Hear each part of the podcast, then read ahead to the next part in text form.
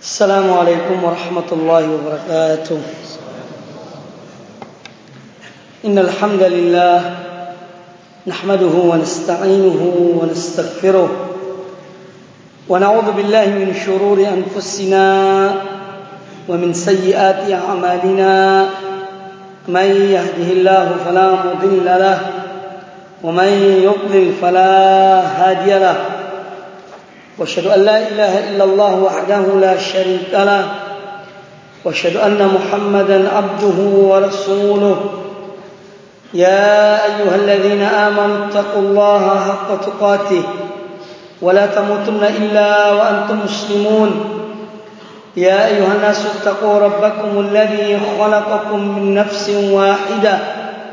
وخلق منها زوجها وبث منهما رجالا كثيرا ونساء واتقوا الله الذي تساءلون به والأرحام إن الله كان عليكم رقيبا يا أيها الذين آمنوا اتقوا الله وقولوا قولا سديدا يصلح لكم أعمالكم ويغفر لكم ذنوبكم ومن يطع الله ورسوله فقد فاز فوزا عظيما أما بعد فإن أصدق الحديث كتاب الله وخير الهدي هدي محمد صلى الله عليه وآله وسلم وشر الأمور محدثاتها وكل محدثة بدعة وكل بدعة ضلالة وكل ضلالة في النار.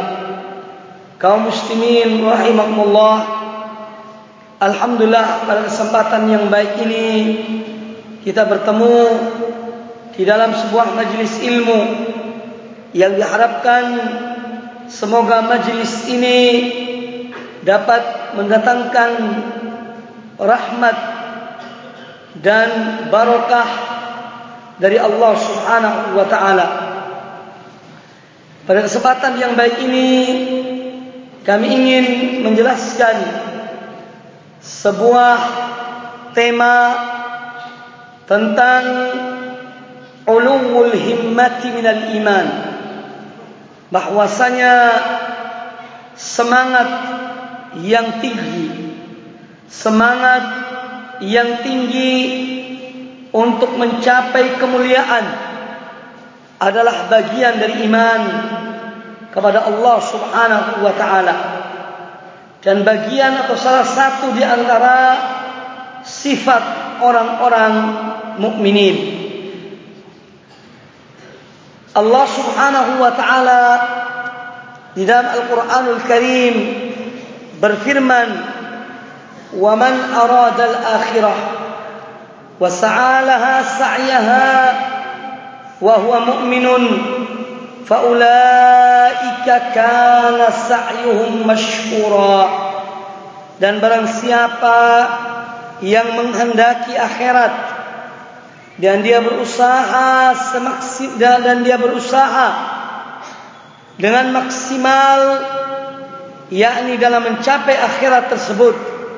Sementara dia adalah seorang mukmin maka mereka itulah orang-orang yang akan diberikan balasan oleh Allah Subhanahu wa taala. Ulul himmah atau dalam bahasa Indonesianya adalah semangat yang tinggi dalam mencapai kemuliaan adalah sifat di antara sifat orang-orang yang beriman. Dan dalam ayat yang saya bacakan tadi Allah Subhanahu wa taala menyebutkan tiga hal penting tentang keinginan yang keras yang dimiliki oleh seorang lalu dia berupaya dan ini merupakan konsekuensi dari himmah yang kuat keinginan yang keras untuk mendapat mendapatkan keridhaan Allah untuk mendapatkan cinta Allah untuk mendapatkan balasan Allah Subhanahu wa taala adalah dengan kerja keras dengan amal soleh dan amal perbuatan. Dan amal perbuatan dan kesadaran kehendak itu didasari oleh iman kepada Allah Subhanahu wa taala. Maka orang-orang yang demikian sifatnya Allah akan memberikan kepada mereka balasan Allah akan mensyukuri amal-amal perbuatan mereka, usaha-usaha mereka yang mereka telah laksanakan. Apa yang dimaksud dengan al-himmah? Yaitu ulul himmah, ulu artinya ketinggian, kemauan, cita-cita yang mulia untuk mendapatkan kemuliaan. Yang dimaksud dengan himmah yaitu disebutkan oleh para ulama adalah al-ba'ith 'ala al-fi'l. Jadi himmah itu adalah al-ba'ith yang membangkitkan, yang mendorong seseorang untuk berbuat, yang mendorong seseorang untuk beramal. Dan pendorong ini disebutkan oleh para ulama bisa disifati dengan uluwun dan sufulun.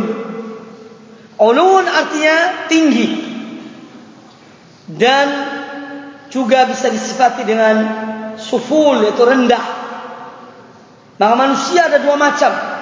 Orang mukmin ada dua macam ada orang mukmin yang pembangkit dalam dirinya, pendorong dalam dirinya untuk melakukan amal-amal soleh sangat tinggi. Dan ada pula manusia di antara mereka yang lemah pendorong tersebut. Sedangkan bahwa ulul himmah itu sendiri adalah merupakan sesuatu yang harus jika ada pada diri seorang harus dipelihara harus dijaga, harus dipertahankan, bahkan ditingkatkan. Karena itu adalah sebagai pendorong himmah al-aliyah, kemauan yang keras, keinginan yang keras. Ini apabila ada pada diri seorang, maka hendaknya dia memeliharanya. Karena apa yang akan dilakukan sesudah itu tergantung dari himmah, kemauan yang ada pada diri tersebut. Tergantung dari pendorong yang ada pada dirinya tersebut. Sebagaimana dikatakan oleh salah seorang salaf kata beliau himmatuka fahfadha kemauan keras pendorong yang ada dalam dirimu yang mendorong kamu untuk beramal maka peliharalah dia. Fa innal himmata muqaddimatul asya. Karena sungguhnya kemauan yang keras itu pendorong yang ada pada diri seorang itu adalah sebagai muqaddimah sebagai pendahulu dari suatu atau dari segala sesuatu. Faman saluhat lahu himmatuh wa sadaqa fiha maka barang siapa yang himmahnya kemauannya adalah kemauan yang benar, kemauan yang saleh dan himmahnya itu adalah himmah yang jujur, kemauan yang dia betul-betul jujur di dalamnya maka salahalahu ma wara'a dzalika minal a'mal akan menjadi baik pula amal-amal yang dilakukan setelah itu. Maka itu himmah harus didasari oleh keikhlasan kepada Allah Subhanahu wa taala. Dan orang yang memiliki keikhlasan kepada Allah Subhanahu wa taala ini akan terus menjadikan orang itu meningkatkan amal-amal solehnya, amal-amal kebaikannya, Kemudian himmah yang dimaksud yaitu sesuatu yang berada dalam hati seseorang. Tempatnya adalah dalam hati seseorang. Dia tidak berada di mana-mana himmah itu. Tetapi dia berada dalam hati seseorang yang mana hati merupakan penguasa bagi diri seseorang. Apabila penguasa ini baik dalam memimpin seluruh anggota badannya, dalam memimpin lisannya, memimpin pandangannya, memimpin pendengarannya, kaki dan tangannya dan seluruh anggota tubuhnya, maka akan baik pula apa yang dikerjakan, apa yang diucapkan, apa yang dilakukan oleh anggota badannya. Oleh karena himmah yang mulia adalah yang didorong oleh keinginan untuk mendapatkan kecintaan kepada Allah Subhanahu wa taala himmah yang baik adalah yang menginginkan apa yang dijanjikan oleh Allah Subhanahu wa taala. Dan sebagaimana dikatakan oleh para ulama bahwasanya himmatul mukmin ablaghu min amalih. pendorong yang ada dalam diri seorang mukmin itu lebih tinggi dari amal perbuatannya. Artinya terkadang seorang menginginkan suatu tetapi dia belum sempat mengamalkannya, maka Allah mencapaikan dia, menyampaikannya kepada keinginan yang ada dalam dirinya. Walaupun dia belum sempat mengerjakannya. Rasulullah wasallam bersabda dalam sebuah hadis yang sahih yang diriwayatkan oleh Imam Al-Bukhari. Kata beliau alaihi salatu wassalam man hamma bi hasanatin falam ya'malha katabaha Allah 'indahu hasanatan kamilah barang siapa yang menghendaki suatu kebaikan tetapi dia belum sempat mengerjakannya maka Allah mencatat baginya di sisinya kebaikan satu kebaikan yang sempurna satu pahala yang sempurna. Ini menunjukkan bahawa hendaknya seorang memiliki himmah dalam dirinya, memiliki kemauan dan keinginan yang baik yang mendorong dia untuk berbuat dan beramal. Karena apabila seorang dia tidak memiliki itu semuanya, maka dia ibarat mayit. Dia ibarat orang yang mati. Orang-orang yang hatinya telah mati dan orang-orang yang hatinya mati adalah orang-orang kafir yang mereka tidak mempunyai himmah kecuali makan, minum, kawin dan hanya dunia menjadi himmah mereka. Tetapi orang mukmin himmahnya, kemauannya adalah kemauan yang keras. Dia selalu ingin mendapatkan kemuliaan di sisi Allah Subhanahu wa taala. Kemudian hadis yang kedua yang menjelaskan bahawa kemauan dan himmah seorang mukmin lebih baik atau lebih lebih tinggi daripada daripada perbuatannya adalah hadis Rasulullah sallallahu alaihi wa alihi wasallam yang diriwayatkan oleh Imam Muslim di dalam sahihnya beliau Nabi SAW bersabda man sa'alallaha syahadata bisidqin. Barang siapa yang dia memohon yakni kepada Allah dia memohon mati syahid dengan penuh kejujuran. Ballaghahu Allah manazil syuhada. Niscaya Allah akan mencapai dia akan menyampaikan dia kepada status kedudukan orang-orang yang mati syahid. Wa in mata ala firashi walaupun dia meninggal di atas kasurnya. Walaupun dia meninggal di atas kasurnya. Maka himmah kemauan yang keras yang ada dalam diri seorang harus dipupuk. Apalagi sebagai talibul ilm. Orang-orang yang menuntut ilmu orang-orang yang belajar ilmu, orang-orang yang mengenal Quran dan Sunnah, yang mana dalam Al-Quran dan Sunnah penuh dengan kisah-kisah orang-orang yang mempunyai himmah yang kuat, mempunyai cita-cita yang tinggi untuk mendapatkan kemuliaan di sisi Allah Subhanahu wa taala. Kemudian dalam hadis yang lain yang diriwayatkan oleh Imam Ahmad bin Hanbal dan yang lainnya Rasulullah sallallahu alaihi wa alihi wasallam bersabda tentang orang yang menyiapkan bagi pasukan yang ingin ber, pergi berperang atau bagi mereka yang telah bersiaga untuk menuju ke medan peperangan berjihad di jalan Allah Subhanahu wa taala. Lalu kemudian mereka meninggal di tengah perjalanan. Maka kata Nabi alaihi salatu wassalam qad auqa Allahu ajrahu ala qadri niyyatih Allah telah memberikan Allah telah menetapkan baginya pahala yang memberikan baginya pahala sesuai dengan niat yang telah mendorongnya, niat yang ada dalam hatinya. Dan ini menunjukkan pentingnya seorang mempunyai himmah, pentingnya seorang mempunyai kemauan, apalagi orang-orang yang masih muda, yang mereka masih banyak kesempatan untuk beramal, untuk berjuang, untuk mengangkat derajat agama Allah Subhanahu wa taala. kaum muslimin dan kaum muslimat rahimani wa rahimakumullah bahwasanya di dalam Al-Qur'anul Karim Allah Subhanahu wa taala telah menyebutkan tentang himmah yang tinggi, kemauan yang keras untuk mendapatkan kemuliaan di sisi Allah Subhanahu wa taala. Di antara ayat-ayat Al-Qur'an tersebut yang pertama adalah firman Allah Subhanahu wa taala yang telah saya bacakan tadi dalam surat Al-Isra ayat yang ke-19 wa man arada al-akhirah wa sa'alaha sa'yaha wa huwa mu'minun fa ulaika kana sa'yuhum mashkura dan barang siapa yang menghendaki kehidupan akhirat dan dia berupaya ke arah itu dengan sungguh-sungguh. Dia berupaya dengan sungguh-sungguh. Dia bekerja keras untuk mencapai keinginannya yaitu mendapatkan akhirat yang mulia. Sedangkan dia salah seorang mukmin. Dia didasari oleh iman kepada Allah dan iman kepada Rasulnya maka mereka itulah orang-orang yang usahanya akan diberikan balasan oleh Allah dengan baik. Mereka akan diberikan balasan oleh Allah Subhanahu wa taala dengan balasan yang yang baik. Dan Allah Subhanahu wa taala telah berfirman pada ayat yang yang, yang lain ketika Allah mengatakan fa idza azamta fatawakkal 'ala Allah apabila anda telah berkehendak sesuatu maka bertawakallah kepada Allah.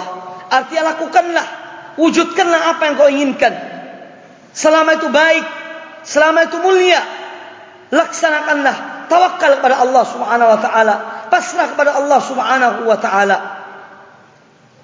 Maka dari itu Allah Subhanahu wa taala juga berfirman pada ayat yang lain ya sebelum datangnya penyesalan Allah mengingatkan kepada manusia agar mereka melakukan apa yang mereka inginkan. Yaitu dari kemuliaan-kemuliaan untuk dicapainya di sisi Allah Subhanahu wa taala sebelum datang suatu saat yang mana pada saat itu telah terlambat. Mereka tidak bisa lagi bekerja tidak bisa lagi berusaha tidak bisa lagi menggapai kemuliaan yang dikehendakinya. Di dalam surat Al-Munafiqun ayat yang ke-10 Allah Subhanahu wa taala berfirman wa anfiqu mimma razaqnakum min qabli an ya'tiya ahadakumul maut. Fayaqul rabbi laula akhartani ila ajalin qarib fa asaddaqu akum minas salihin. Yang artinya wa anfiqu mimma razaqnakum. Dan berinfak belanjakanlah infakkanlah sebagian dari apa yang telah kami berikan kepada kamu. Sebelum datang kematian kepada salah seorang di antara kamu sekalian. Lalu ia berkata, ia berdoa, wahai Rabbku, mengapa engkau tidak menangguhkan kematianku sampai waktu yang dekat, yang menyebabkan aku dapat bersedekah dan aku termasuk orang-orang yang soleh. Ini adalah cita-cita yang sudah tidak ada manfaatnya.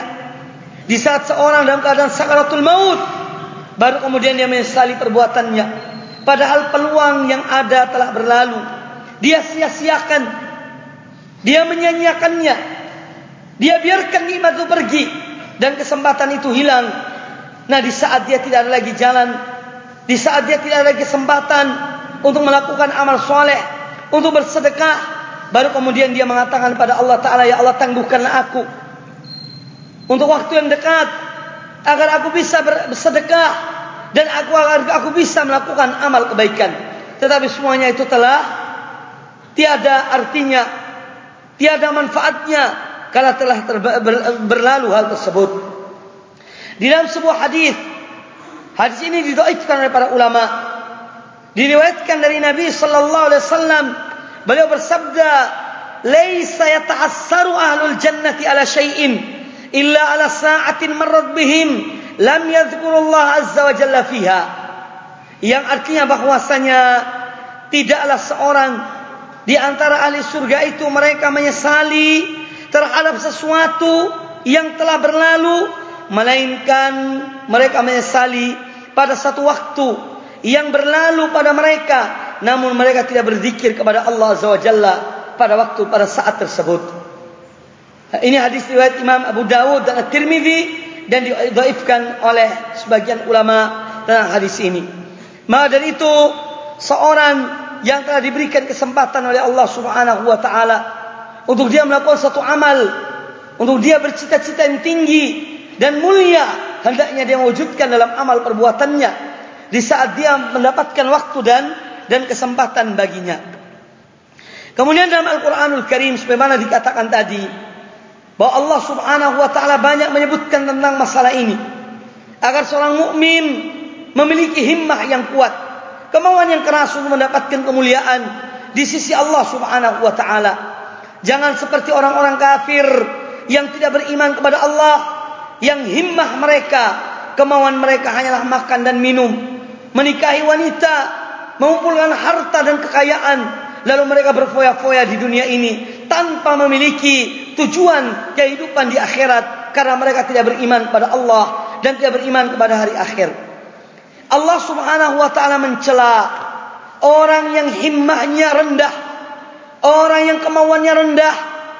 Sebagaimana Allah taala menceritakan hal tersebut dalam sebuah gambaran yang sangat hina, yaitu dalam firman-Nya Allah taala berfirman, "Watlu 'alaihim naba alladhi atainahu ayatina fansalakha minha."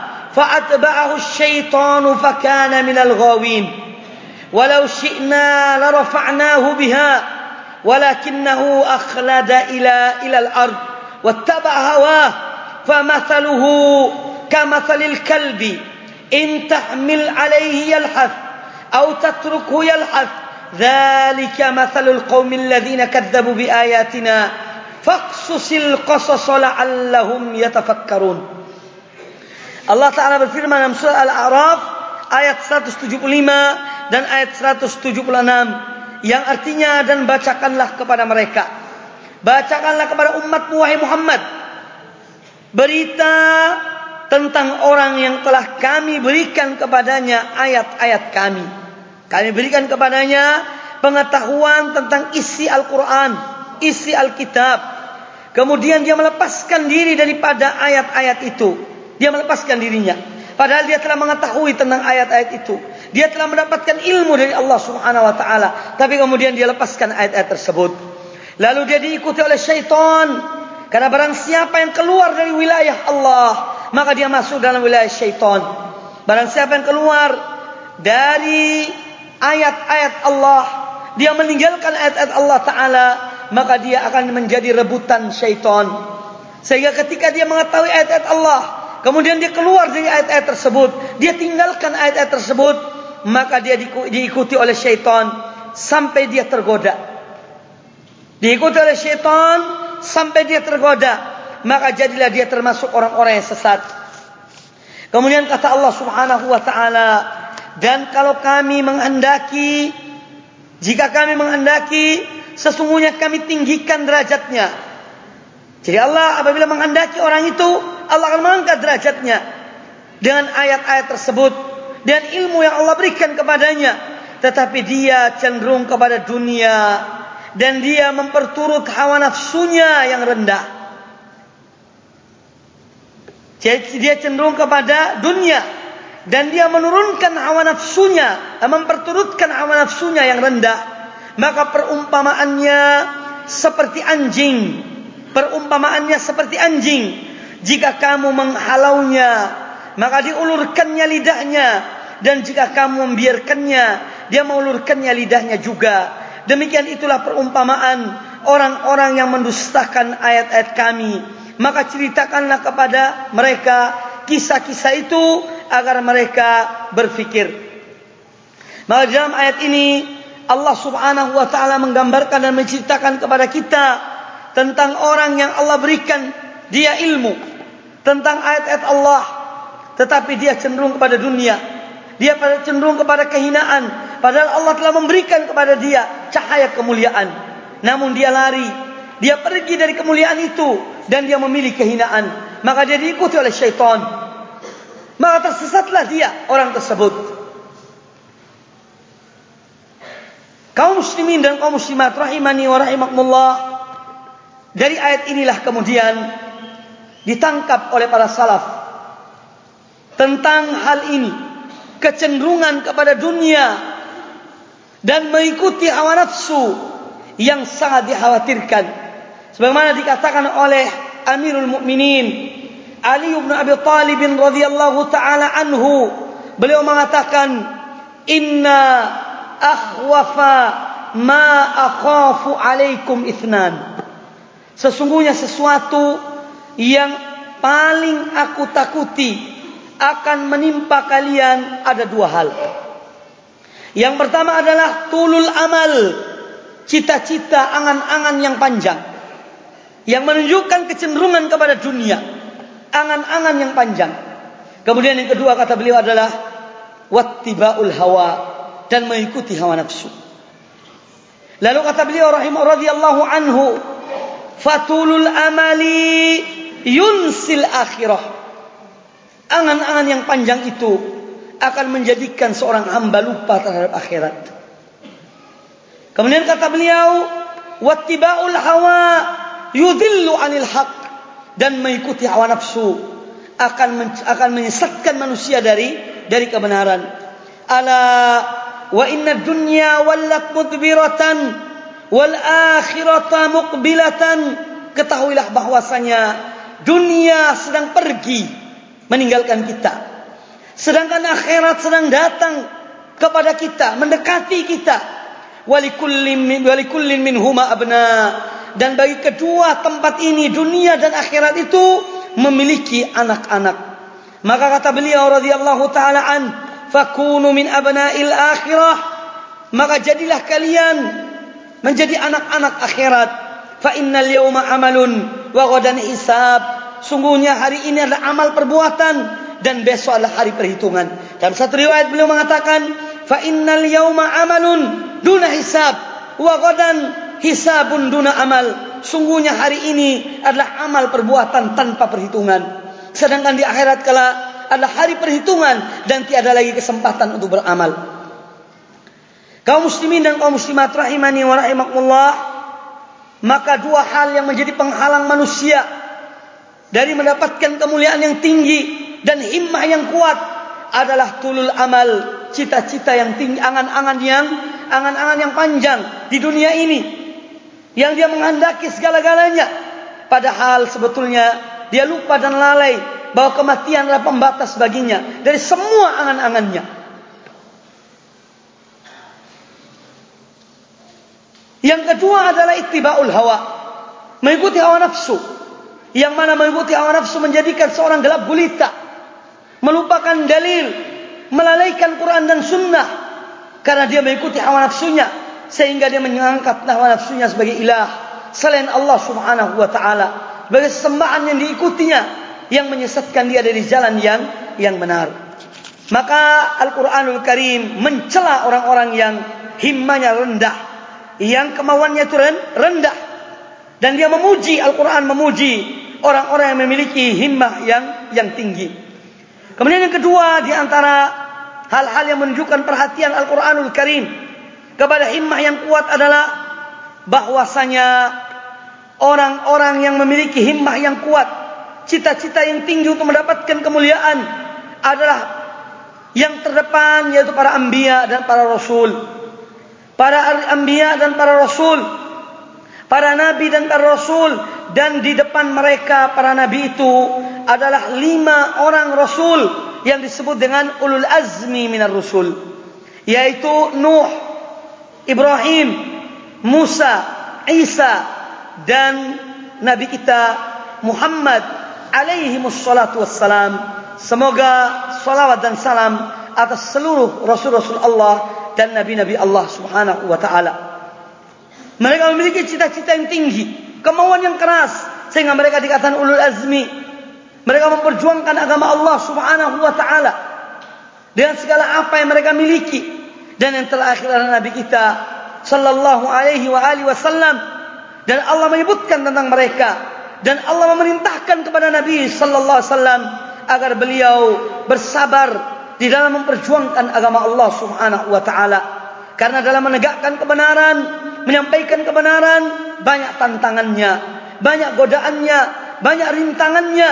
Oleh karena itu Allah berfirman kepada Rasulullah sallallahu alaihi wasallam, "Fasbir kama sabara ulul azmi minar rusul."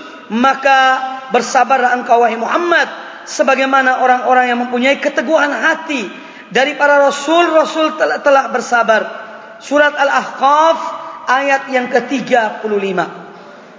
Maka dakwah yang mengajak manusia kepada Al-Quran dan Sunnah yang mengajak manusia untuk mereka beriman kepada Allah dan Rasulnya kembali kepada tuntunan Quran dan Sunnah sesuai dengan apa yang dipahami oleh para salaful ummah. Pendahulu kita yang, dahulu, yang terdahulu yang soleh uh, mendapatkan tantangan yang berat mendapatkan cobaan yang berat yang memerlukan kesabaran berkali lipat yang memerlukan kesabaran dan memerlukan hikmah di dalam menyampaikan dakwah yang benar ini kepada umat kepada manusia yang mereka mungkin belum paham dan tidak tahu tentang kemuliaan tersebut tentang dakwah yang mulia ini. Kaum muslimin dan kaum muslimat rahimani wa rahimakumullah. Jadi yang kedua bahwa Allah memuji para rasul, para anbiya yang mereka memiliki himmah yang kuat, kemauan untuk mendapatkan kemuliaan yang tinggi di sisi Allah Subhanahu wa taala. Ini menunjukkan perintah kepada kita untuk memiliki himmah yang tinggi, kemauan yang keras mendapatkan cita-cita yang mulia di sisi Allah Subhanahu wa taala. Kemudian yang ketiga di antaranya adalah bahwa Allah Subhanahu wa taala di dalam sejumlah ayat Al-Qur'anul Karim memuji para walinya, para aulia Allah, Allah memuji mereka. Mereka orang-orang memiliki himmah yang kuat, kemauan yang keras mendapatkan kemuliaan baik dalam ibadah mereka dalam ketaatan mereka, dalam ketakwaan mereka kepada Allah Taala dan Allah mensifati mereka dengan orang-orang yang memiliki kualitas. Orang-orang yang memiliki kualitas yang tinggi di dalam iman mereka, dalam amal ibadah mereka. Sebagaimana Allah Taala berfirman, "Fihi rijalun yuhibbuna an yatatahharu wallahu yuhibbul mutahhirin." di dalam masjid itu ada orang-orang yang ingin membersihkan diri mereka. Dan sungguhnya Allah menyukai orang-orang yang bersih. Dan sungguhnya Allah menyukai orang-orang yang yang bersih. Demikian pula Allah taala memuji mereka. Memuji para sahabat radhiyallahu taala anhum yang mereka telah jujur kepada Allah taala dalam iman-iman mereka. Allah mensifati mereka dengan orang-orang berkualitas. Allah mensifati mereka dengan rijal. Sebagaimana Allah taala berfirman mu'minina rijalun sadaqu ma ahadullah alaih faminhum man qada nahbahu wa minhum man yantazir wa ma baddalu tabdila di antara orang-orang mukmin itu ada orang-orang yang menepati apa yang telah mereka janjikan kepada Allah maka di antara mereka ada yang gugur dan di antara mereka ada pula yang menunggu-nunggu dan mereka tidak merubah janjinya. Surat Al-Ahzab ayat yang ke-23. Demikian pula Allah Subhanahu wa taala mensifati orang-orang yang mereka tidak dilalaikan oleh perniagaan dan harta benda mereka. Jadi berzikir kepada Allah Subhanahu wa taala. Mereka tidak lalai dengan pekerjaan mereka. Dari dari mengingat Allah Subhanahu wa taala, Allah sifati mereka dan orang-orang berkualitas dan menggunakan kata-kata rijal. Allah Taala berfirman dalam surat An-Nur ayat yang ke-37, "Rijalun la tulhihim tijaratun wala bai'un an dzikrillahi wa iqamis salati wa ita'iz zakah yakhafuna yawman tataqallabu fihi al-qulub wal absar."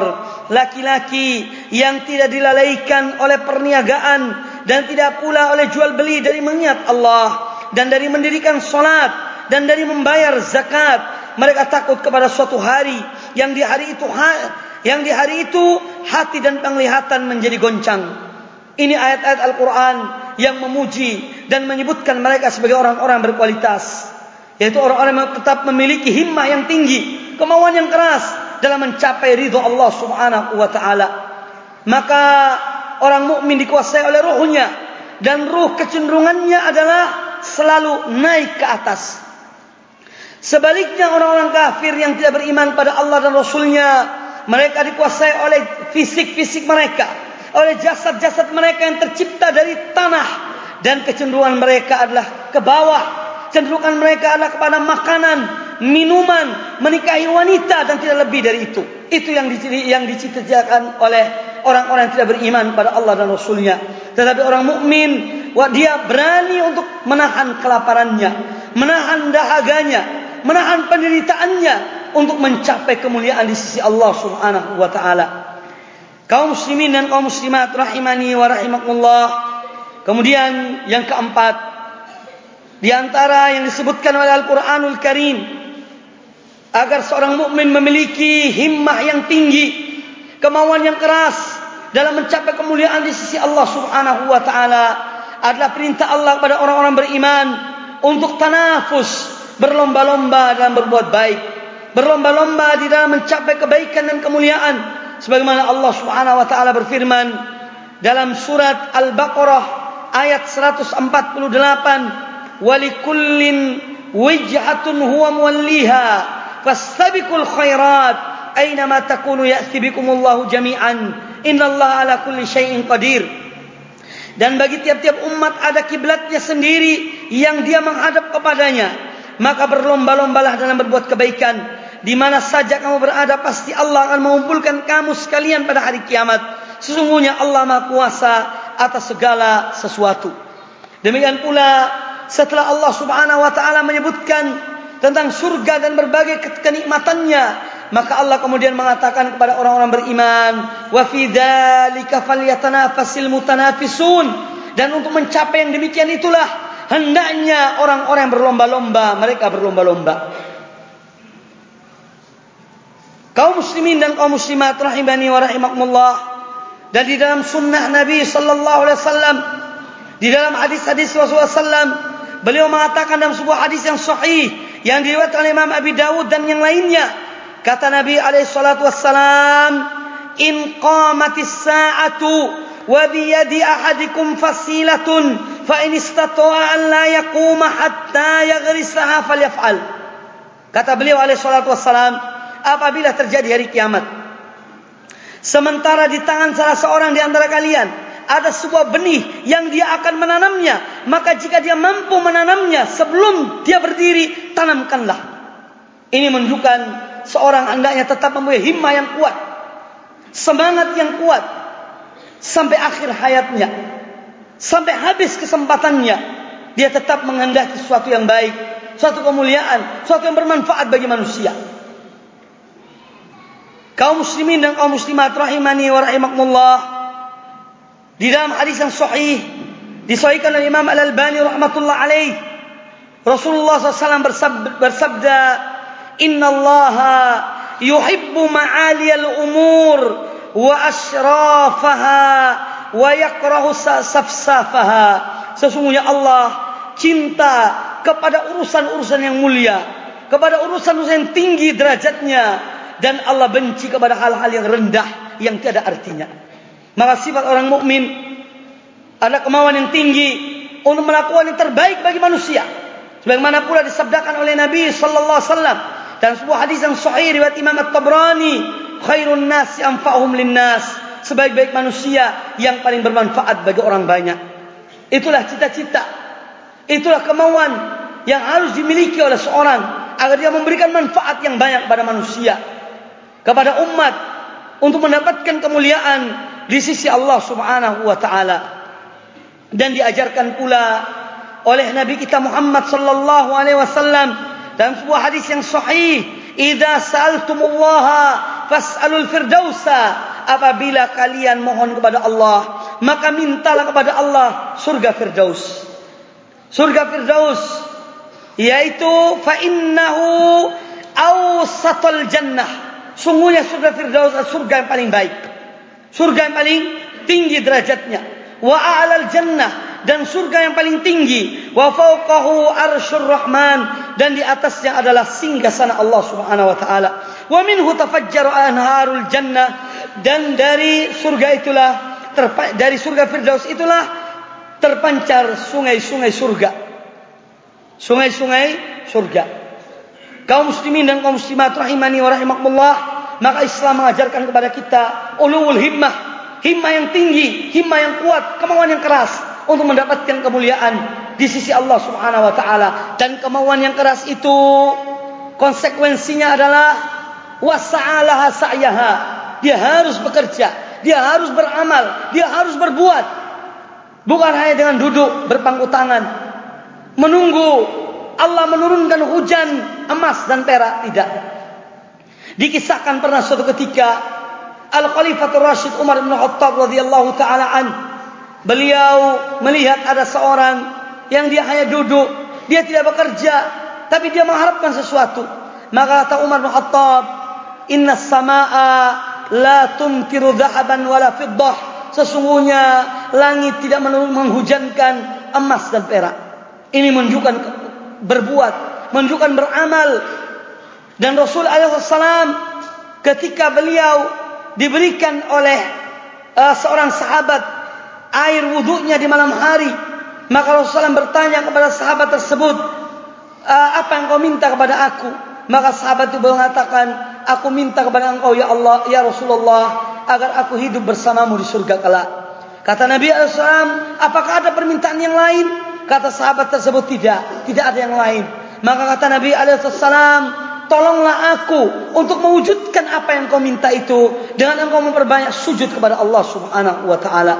Maka di sini kita melihat bagaimana pendidikan yang diajarkan oleh Rasulullah SAW kepada umat ini. Terutama kepada para sahabat beliau. Tidak hanya bercita-cita. Tidak hanya mencintai Rasulullah. Tapi diwujudkan dengan amal perbuatan. Dan usaha yang bisa dilakukan oleh setiap orang dalam mencapai kemuliaan tersebut. Kemudian. Apa saja yang semestinya seorang dia memiliki himmah yang kuat, kemauan yang keras untuk mencapai cita mencapai kemuliaan di sisi Allah Subhanahu wa taala. Di lapangan apa sajakah yang harus dia memiliki hal tersebut? Disebutkan oleh para ulama di antaranya adalah dalam menuntut ilmu. Ulul himmati fi talabil ilm. Yaitu kemauan yang tinggi di dalam menuntut ilmu. Cita-cita yang mulia dalam menuntut ilmu. Dan ini yang telah dilaksanakan oleh para salaf kita. Para sahabat, para tabi'in, ulama-ulama kaum muslimin alul hadis bagaimana semangatnya mereka dalam menuntut ilmu dalam mencapai ilmu sehingga mereka tidak mengenal lelah.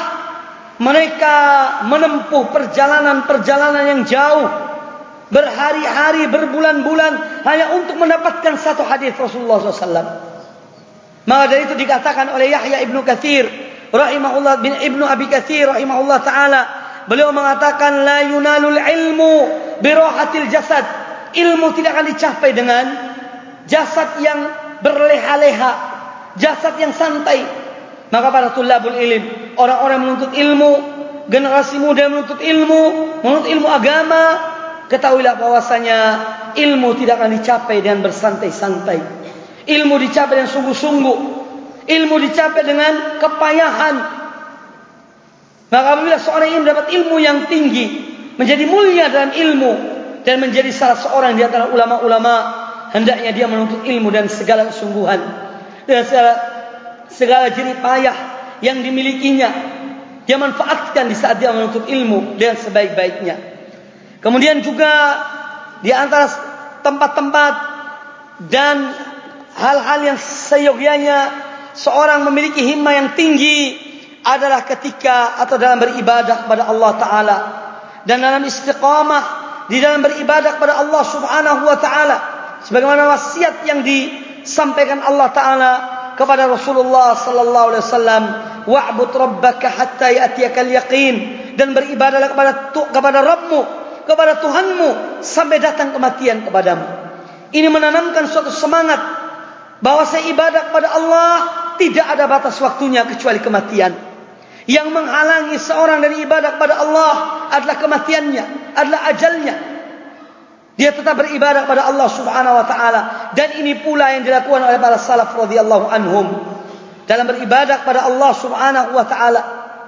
Hasan Al-Basri rahimahullah taala beliau mengatakan, "Man nafasaka fi dunyaka, man nafasaka fi dinika, fanafishu, fanafishu, wa man nafasaka fi dunyaka, fa'alqiha fi nahriha fi nahrihi kata beliau rahimahullah taala barang siapa yang menandingi kamu dalam agamamu yang menandingi kamu dalam ibadahmu maka tandingilah dia dan barang siapa yang menandingi kamu dalam duniamu maka kalungkanlah dunia itu di lehernya silahkan ambil dunia itu Jadikanlah duniamu sebagai mahkotamu. Silahkan ambil.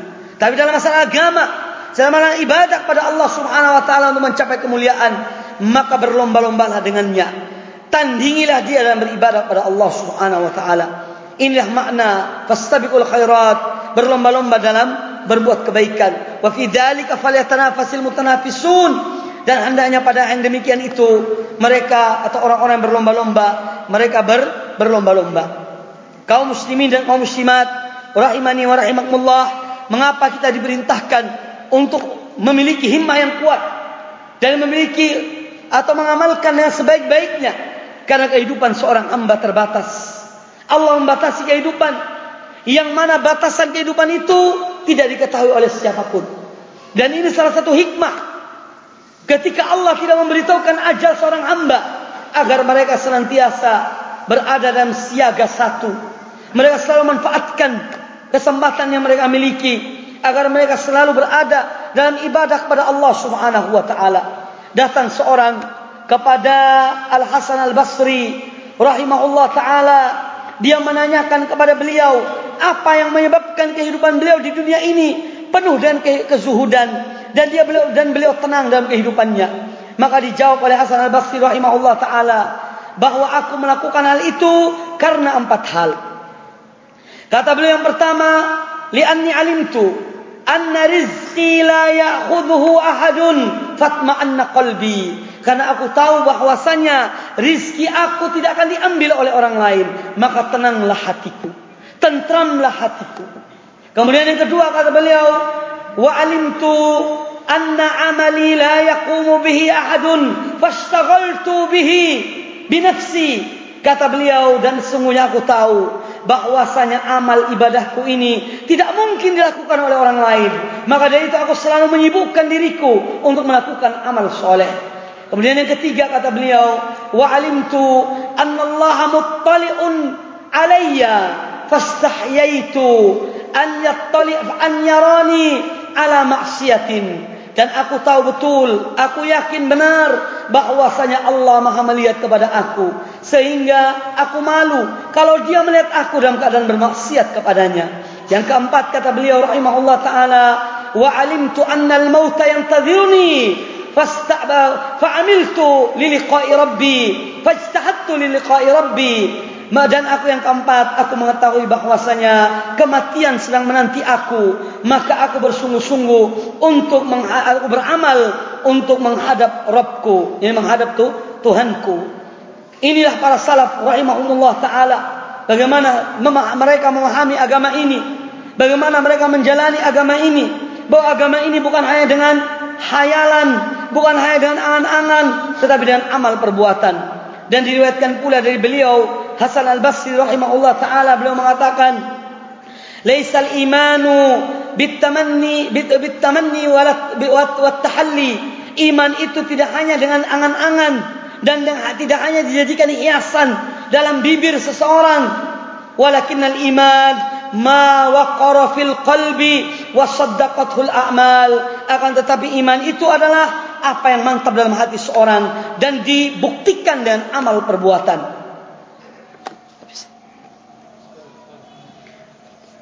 Kemudian di dalam mencapai uh, tempat-tempat yang kita dianjurkan untuk memiliki himmah yang kuat adalah ulul himmah fil bahti anil haq yaitu kita memiliki cita-cita yang mulia keinginan yang keras di dalam mencari dalam mencari kebenaran kebenaran itu adalah hidayah yang harus dicari yang harus diupayakan oleh seorang hamba.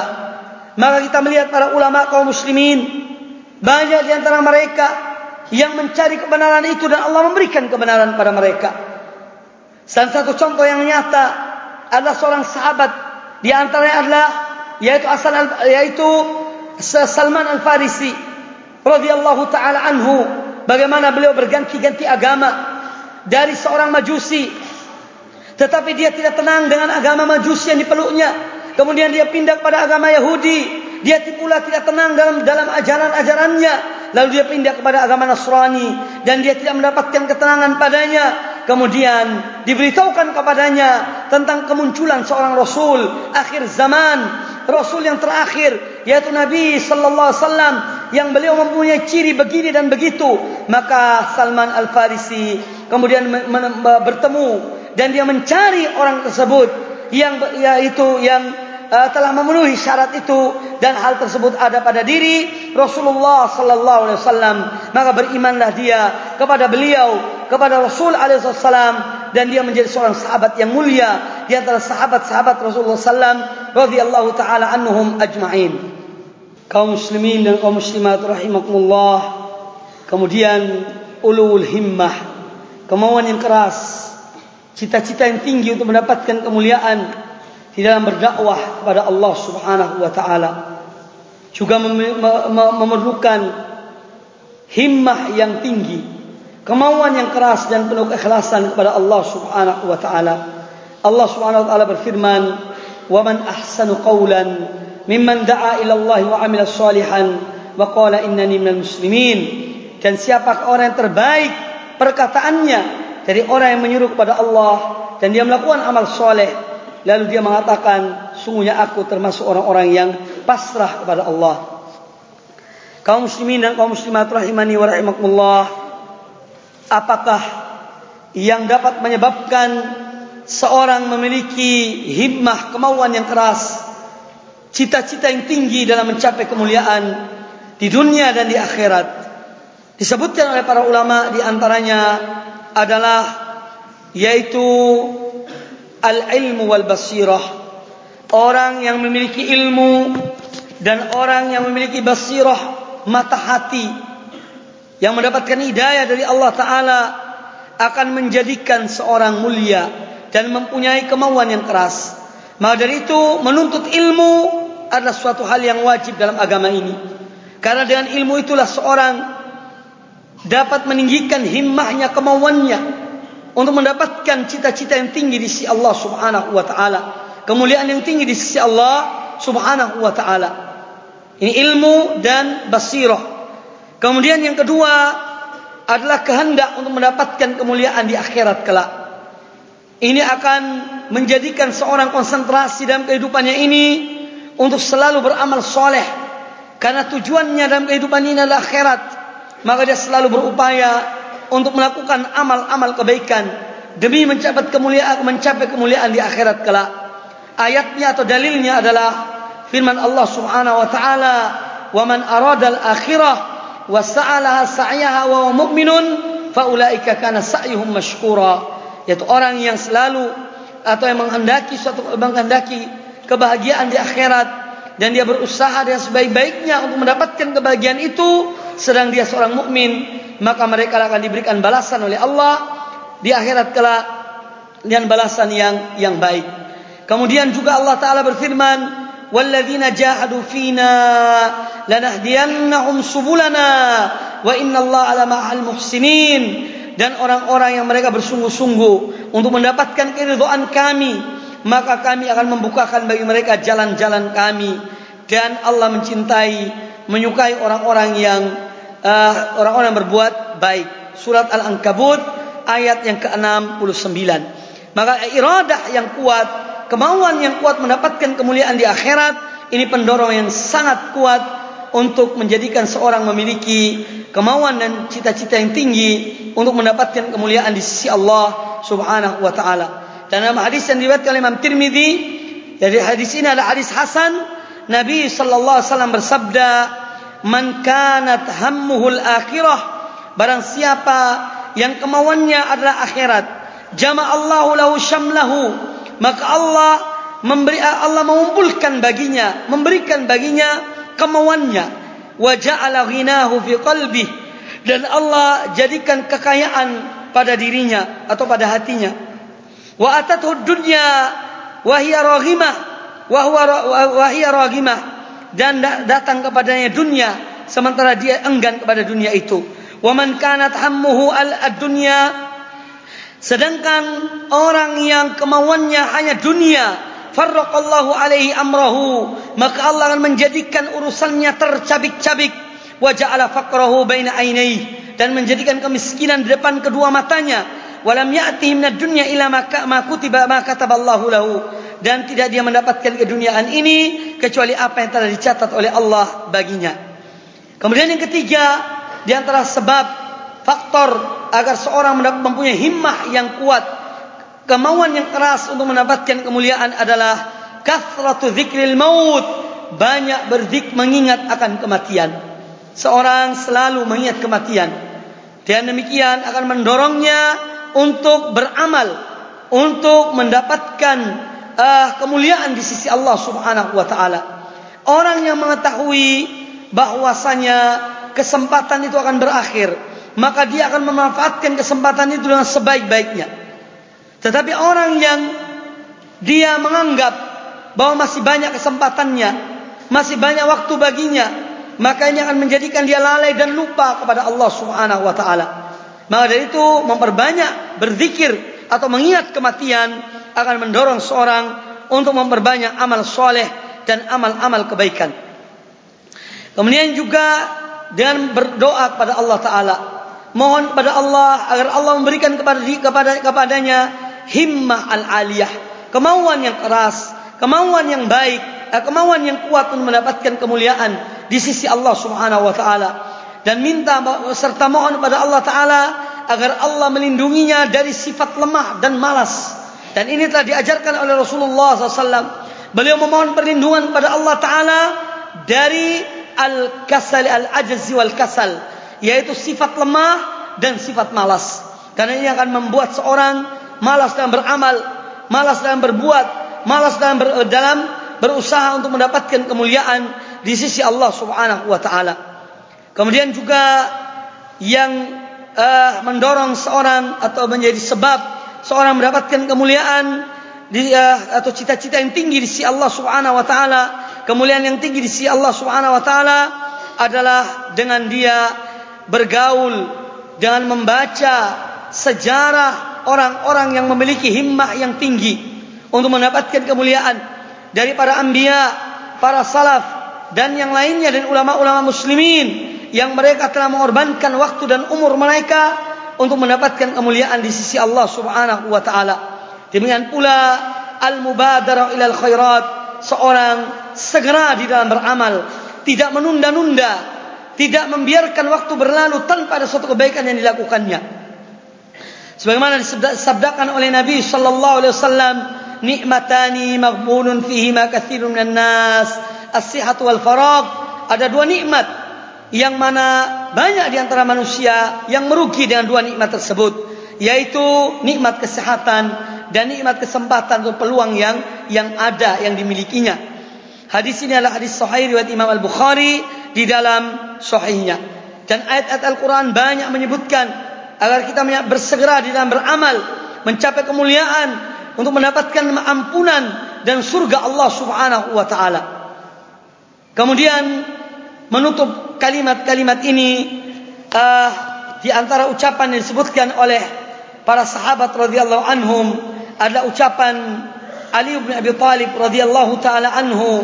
Beliau mengatakan ulul himmati minal iman bahwa kemauan yang uh, ke uh, ulul himmah kemauan cita-cita yang tinggi untuk mendapatkan kemuliaan adalah bagian dari iman